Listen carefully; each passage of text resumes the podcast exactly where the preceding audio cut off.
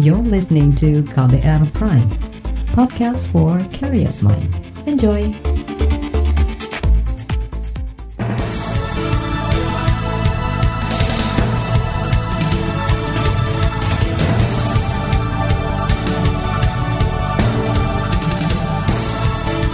Selamat pagi saudara, senang sekali kami menjumpai Anda kembali melalui program Buletin Pagi edisi awal pekan, Senin 2 November 2020 bersama saya Naomi Liandra. Sejumlah informasi pilihan telah kami siapkan, di antaranya 500-an ASN dinyatakan tidak netral di Pilkada 2020 dan diancam sanksi. Jokowi kecam aksi teror di Prancis, pencurian kayu sonokeling marak di hutan Rembang. Inilah Buletin Pagi selengkapnya. Terbaru di Buletin Pagi. Komisi Aparatur Sipil Negara atau KASN menerima lebih dari 700 laporan aparatur sipil negara yang dianggap tidak netral menjelang pemilihan kepala daerah Pilkada 2020. Pilkada 2020 akan dihelat Desember 2020 mendatang. Komisioner KASN Rudiarto Suwarwono mengatakan sebanyak 500 di antaranya dinyatakan melanggar netralitas. KASN sudah merekomendasikan pemberian sanksi pada aparatur itu. Namun, dari 500 rekomendasi yang diberikan KASN, hanya setengahnya yang ditindaklanjuti oleh para kepala daerah sudah 500 lebih yang kita kirimkan surat tersebut, surat peringatan tersebut kepada PPK. PPK atau pejabat pejabat pembina kepegawaian itu kan gubernur, bupati maupun wali kota. Rekomendasi yang kita berikan ya, yang ditindaklanjuti, yang dilaksanakan oleh gubernur, bupati, bupati sekitar 250 Jadi kira-kira ada 50 persennya yang belum ditindaklanjuti oleh gubernur, bupati, wali kota itu. Ya, ada sekitar 50 persenan. Komisioner KASN Rudiarto Swarwono memperingatkan gubernur, bupati, dan wali kota yang merupakan calon petahana agar tidak melibatkan ASN dalam kepentingan pribadi saat pilkada. Jika terbukti melanggar larangan itu, calon terancam digugurkan kepesertaannya dalam pilkada. Pelanggaran netralitas ASN terbanyak dalam bentuk kampanye atau sosialisasi di media sosial. Kementerian Dalam Negeri atau Kemendagri mengklaim sudah menegur 60-an kepala daerah dan memberi waktu tiga hari untuk menindaklanjuti rekomendasi dari Komisi Aparatur Sipil Negara atau KASN terkait pelanggaran netralitas ASN dalam Pilkada 2020. Direktur Jenderal Otonomi Daerah Kemendagri Akmal Malik pekan lalu mengatakan sanksi tegas akan diberikan kepada pejabat pembina kepegawaian atau PPK yang tidak menjalankan rekomendasi KASN. Sanksi bagi pejabat pembina kepegawaian atau kepala daerah mulai dari sanksi moral hingga hukuman disiplin. Karena mereka adalah ASN. Mereka disumpah dan berjanji untuk patuh dan taat kepada peraturan perundangan. Uh, upaya positif bagi pemerintah untuk mendorong agar terbangunnya netralitas ASN. Walaupun tidak menutup kemungkinan, ada juga persoalan-persoalan lain yang barangkali bisa menyebabkan mereka tidak netral. Itu tadi Direktur Jenderal Otonomi Daerah Kemendagri Akmal Malik. Kemendagri juga telah menyebar tim koordinasi pengawasan netralitas ASN di 309 daerah yang menyelenggarakan pilkada serentak tahun ini. Kepala daerah yang mendapat teguran karena tidak menindaklanjuti rekomendasi sanksi KASN di antaranya Gubernur Jambi, Gubernur Lampung, Bupati Asahan, Bupati Bandung, hingga Wali Kota Surabaya. Badan Pengawas Pemilu atau Bawaslu menyarankan agar Komisi Aparatur Sipil Negara melapor ke Presiden Joko Widodo terkait banyaknya aparatur sipil negara yang belum dikenai sanksi pelanggaran netralitas dalam Pilkada 2020. Ketua Bawaslu Aban mengatakan, Bawaslu telah menjalankan kewenangannya dengan menyampaikan temuan pelanggaran netralitas ASN itu kepada KASN. Namun ternyata banyak rekomendasi sanksi dari KASN yang belum dijalankan oleh pejabat pembina kepegawaian atau PPK, baik oleh bupati, wali kota, atau gubernur. Nah, kalau ini memang tidak dilanjuti, KSN memang bisa menyampaikan kepada Presiden untuk Presiden memberi atensi agar rekomendasi KSN tidak lanjut oleh PPK-nya. Nah, kalau dalam hal ini misalnya Mendagri mengingatkan, saya kira ya ya itu sudah sewajarnya, sudah kewajiban dari Mendagri selaku uh, pemerintah ya untuk mengingatkan kepada PPK agar seluruh rekomendasi KSN itu ditindaklanjuti segera oleh PPK. Itu tadi Ketua Bawaslu Aban. Sanksi administratif bisa diberikan jika ASN terbukti melanggar netralitas dalam pilkada. Begitu juga dengan peserta pilkada, bisa dijatuhi sanksi diskualifikasi jika melakukan mutasi pejabat ASN rentang enam bulan sebelum penetapan paslon. Dugaan pelanggaran ASN yang tidak netral di antaranya diduga terjadi di Balikpapan, Kalimantan Timur. Pasangan calon tunggal Pilkada Balikpapan yaitu Rahmat Masud dan Tohari Aziz berencana melaporkan Wali Kota Balikpapan Rizal Effendi ke Kementerian Dalam Negeri.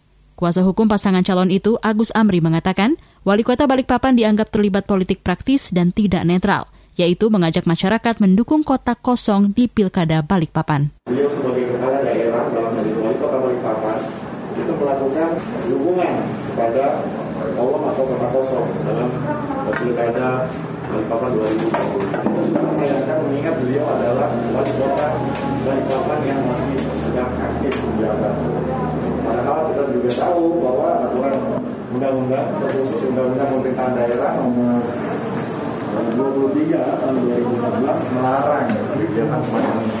Kecuali kalau beliau meminta izin dulu Kuasa hukum pasangan calon tunggal wali kota Balikpapan Agus Amri menyebut wali kota Balikpapan Rizal Effendi dianggap melanggar undang-undang pemerintahan daerah karena saat ini tengah menjabat dan tidak sedang cuti.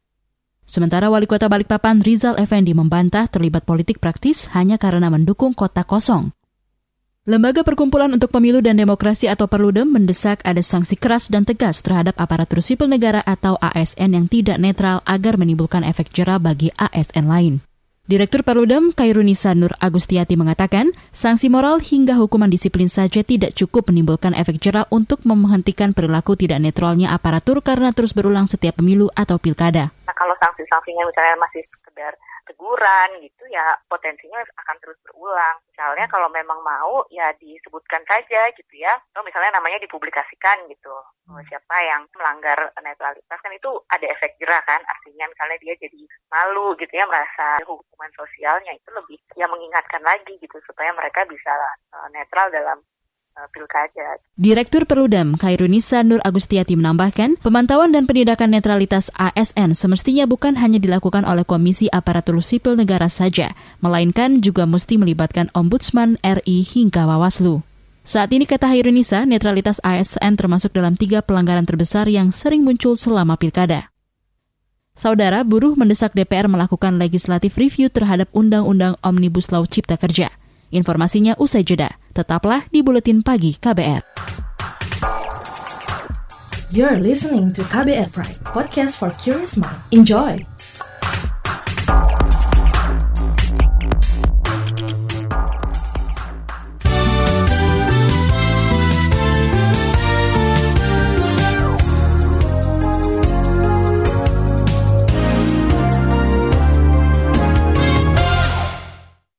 Presiden Joko Widodo mengecam keras sejumlah aksi teror yang terjadi di Perancis dalam sebulan terakhir.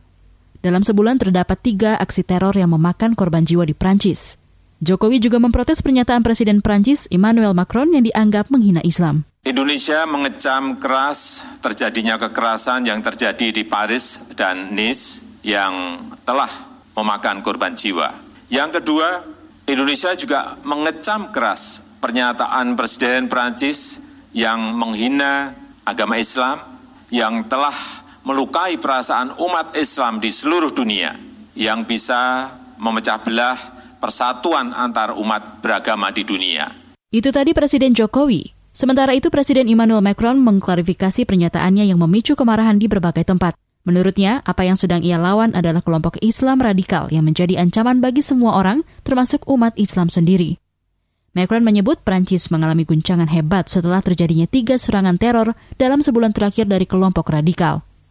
Teror muncul setelah ada penerbitan kartun Nabi Muhammad. Macron menyebut pelaku adalah orang yang mendistorsi Islam dan mengatasnamakan Islam untuk melakukan berbagai tindakan kekerasan dan pembunuhan. Beralih ke informasi lain, kalangan buruh mendesak agar DPR melaksanakan legislative review atau uji legislasi terhadap Undang-Undang Cipta Kerja. Juru bicara Konfederasi Serikat Pekerja Indonesia atau KSPI, Kahar Cahyono mengatakan, desakan itu akan disampaikan melalui aksi besar-besaran yang rencananya digelar 9 November mendatang.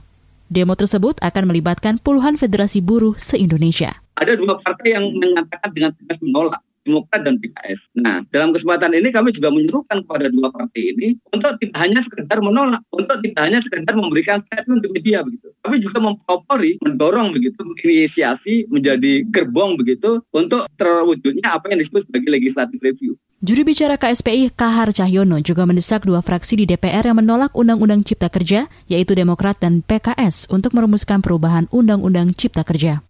Sementara hari ini kalangan buruh juga rencananya akan kembali menggelar demo besar-besaran menolak Undang-Undang Cipta Kerja. Demo akan digelar serentak di 24 provinsi di Indonesia dengan melibatkan puluhan federasi buruh. Di Jakarta, demo akan dipusatkan di Istana Negara dan Mahkamah Konstitusi atau MK.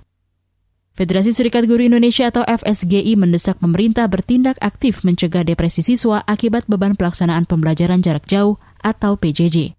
Wakil Sekjen FSGI Fariza Tanjung mengatakan, pembelajaran jarak jauh perlu dibenahi sebab setidaknya memicu tiga siswa bunuh diri selama delapan bulan terakhir. FSGI mendesak Kementerian Kesehatan dengan Dinas Kesehatan di berbagai daerah perlu membantu sekolah, guru, dan orang tua mengatasi masalah kesehatan mental anak-anak selama PJJ di masa pandemi. FSGI mendesak pemerintah pusat dan pemerintah daerah untuk melakukan evaluasi dari pelaksanaan PJJ fase kedua yang sudah berlangsung hampir satu semester. Hasil evaluasi ini dipergunakan untuk perbaikan PJJ baik dari sisi pemerintah, sekolah, madrasah maupun orang tua untuk membantu siswa belajar dan mengurangi beban psikologis selama menjalani masa PJJ. Wakil Sekjen FSGI Fariza Tanjung mengatakan, pelaksanaan pembelajaran jarak jauh pada fase awal atau semester ganjil menimbulkan berbagai masalah.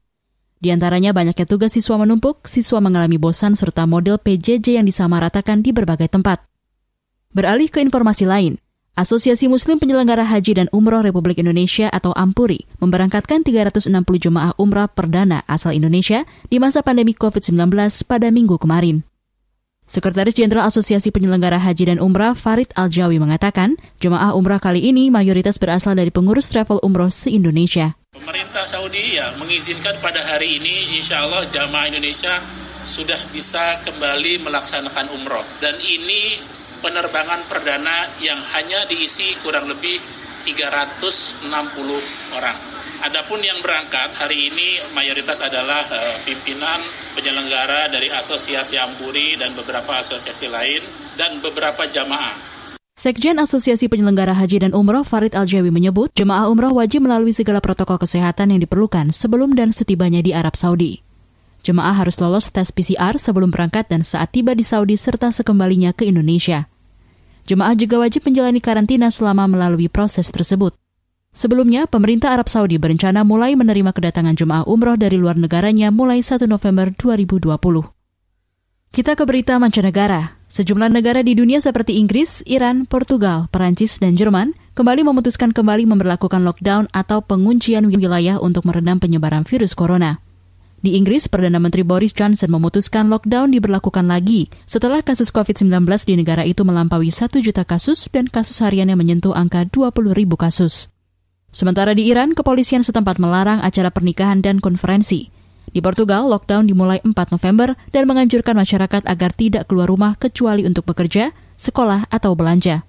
Di Prancis, pemerintahnya memperlakukan pembatasan perjalanan demi meredam penyebaran COVID-19 yang berlaku mulai 30 Oktober hingga 1 Desember 2020. Sedangkan di Jerman, pemerintah rencananya akan menutup semua bar, restoran, dan teater pada 2 hingga 30 November. Beralih ke berita olahraga. Pebalap mobil Formula 1 asal Inggris Lewis Hamilton memperpanjang rekor 93 kemenangan setelah menjuarai seri Grand Prix di sirkuit Imola, Italia hari Minggu kemarin. Hasil ini juga mengunci gelar juara konstruktor untuk ketujuh kalinya secara beruntun bagi tim Mercedes. Kemenangan itu juga menambah poin bagi Lewis Hamilton menjadi 256 poin dan memperkokoh posisinya di puncak klasemen sementara F1. Ia memperlebar jarak dengan rekan setim Valtteri Bottas menjadi 87 poin. Jika Hamilton bisa kembali memenangi perlombaan berikutnya, ia akan mengunci gelar juara dunia yang ketujuh kalinya. Laporan khas KBR bertajuk Jernang Emas Rimba yang terancam punah bagian 1 akan hadir usai jeda. Tetaplah di Buletin Pagi KBR. You're listening to KBR Pride, podcast for curious mind. Enjoy!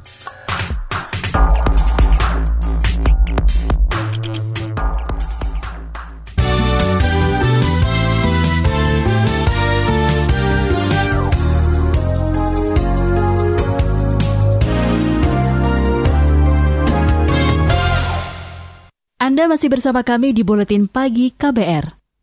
Hampir semua orang mengenal rotan yang kerap dipakai sebagai kerajinan. Indonesia termasuk negara penghasil rotan terbesar dunia. Tapi tidak banyak orang yang mengetahui jernang. Jernang adalah produk turunan dari rotan, dipakai jadi bahan baku pewarna di industri porselen. Harganya mahal, tapi kebakaran hutan dan lahan membuat jernang makin sulit dicari.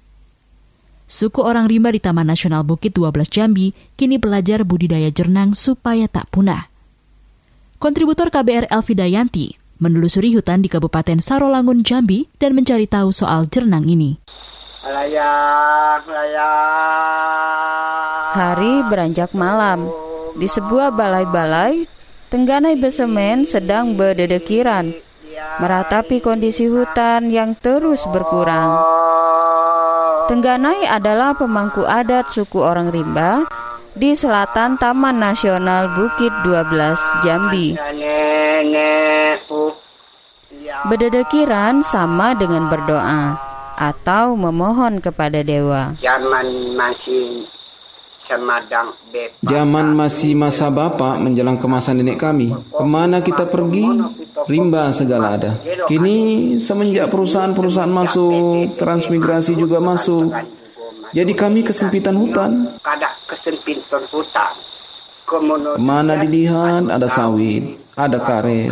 Jadi tidak lagi seperti biasa. Macam biasalah. Yang juga tak biasa, makin sulit mendapatkan jernang. Dulu sebelum ada PT, Dulu sebelum ada perusahaan, sebelum ada transmigrasi masuk, kita bejernang sehari saja bisa mencapai 2 sampai 3 kilo dapat per orang. Karena jernang masih padat. Ke mana-mana saja hutan masih ada jernangnya. Jernang tidak rusak.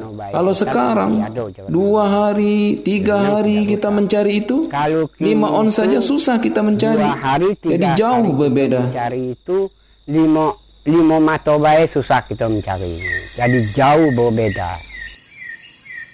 Jernang adalah buah dari tanaman sejenis rotan. Di perdagangan internasional, sebutannya dragon blood alias darah naga. Jernang dibutuhkan untuk bahan obat, kosmetik, bahan pewarna porselen dan marmer. Kebutuhan ekspor jernang mencapai 400 ton setiap tahunnya. Sementara Indonesia hanya mampu menyediakan 10 persen dengan nilai ekspor jernang mencapai 10 juta dolar Amerika Serikat per tahun. Jernang hanya bisa hidup di hutan dengan kanopi lebat. Tapi kini hutan lebat sudah bersalin rupa menjadi kebun kelapa sawit, area transmigrasi,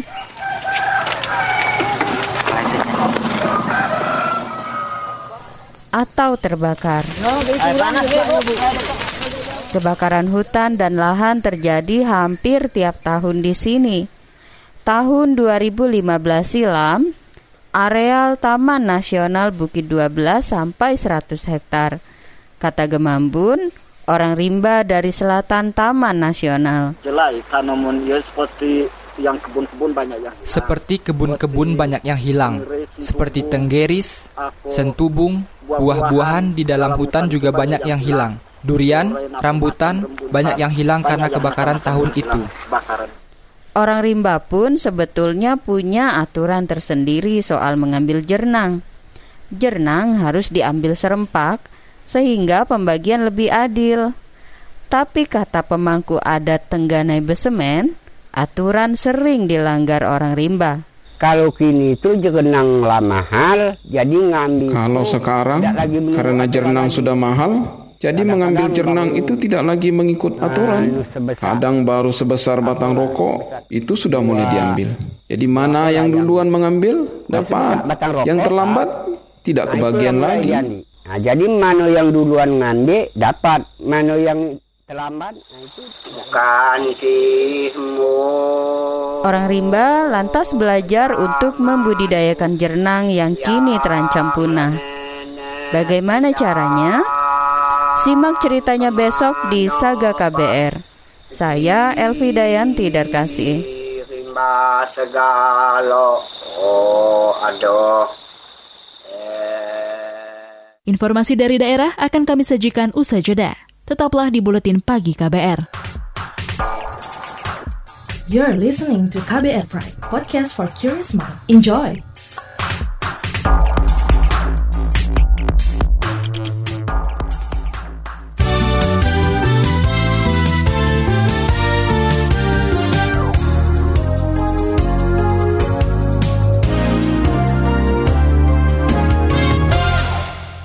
Inilah bagian akhir buletin pagi KBR.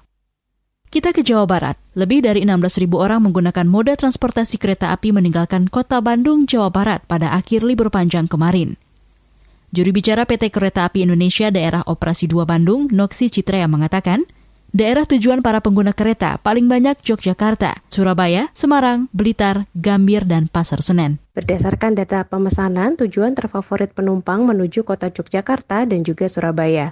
Dan pada hari ini, Minggu 1 November 2020 diprediksi menjadi puncak arus balik dengan memberangkatkan sekitar 3.500 penumpang. Juru bicara PT KAI Daop 2 Bandung Noksi Citrea menjelaskan, di awal libur panjang, jumlah penumpang kereta api ke Bandung mencapai lebih dari 15.000 penumpang. PT Kereta Api Indonesia juga mencatat kenaikan dua kali lipat jumlah peserta rapid test di stasiun Bandung dan stasiun Kiara Condong. Beralih ke Jawa Tengah, Pencurian kayu sonokeling marak terjadi di kawasan hutan Rembang, Jawa Tengah. Selengkapnya bersama reporter radio jaringan Musyafa dari Radio R2B Rembang. Petugas perhutani di Rembang, Jawa Tengah menerapkan jebakan ranjau paku untuk menangkap pelaku pencuri kayu sonokeling di kawasan hutan. Hal itu terjadi seperti di bagian Kesatuan Pemangkuan Hutan BKPA Kebon, wilayah Mantingan, perbatasan antara Kabupaten Rembang dengan Kabupaten Blora. Hari Juli Priyadianto, asisten perhutani BKPA Kebon, menjelaskan pihaknya baru saja mengamankan sebuah mobil kijang dan tujuh batang kayu sono keling hasil curian tapi tersangka pelaku kabur. Barang bukti tersebut berhasil diamankan setelah pihaknya memasang ranjau paku. Ya, kita atur strategi seperti itu. Kita pasang jebakan-jebakan apabila dia benar-benar mau masuk mengangkut kayu curian tersebut, awal banyak bocor atau terhambat oleh jebakan tersebut. Hari membenarkan saat ini komoditas kayu sonokeling memiliki harga cukup menjanjikan, bahkan lebih mahal dibandingkan kayu jati, sehingga pohon sonokeling milik perhutani rawan menjadi sasaran pencurian. Musyafa R2 Birembang melaporkan untuk KBR. Informasi tadi menutup jumpa kita di Buletin Pagi hari ini. Pantau juga informasi terbaru melalui kabar baru, situs kbr.id, Twitter kami di akun @beritaKBR, serta podcast di alamat kbrprime.id. Akhirnya saya, Naomi Liandra bersama kerabat kerja yang bertugas undur diri. Salam.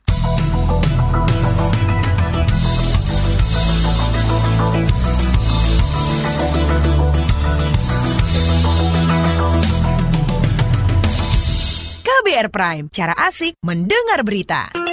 KBR Prime, podcast for curious mind.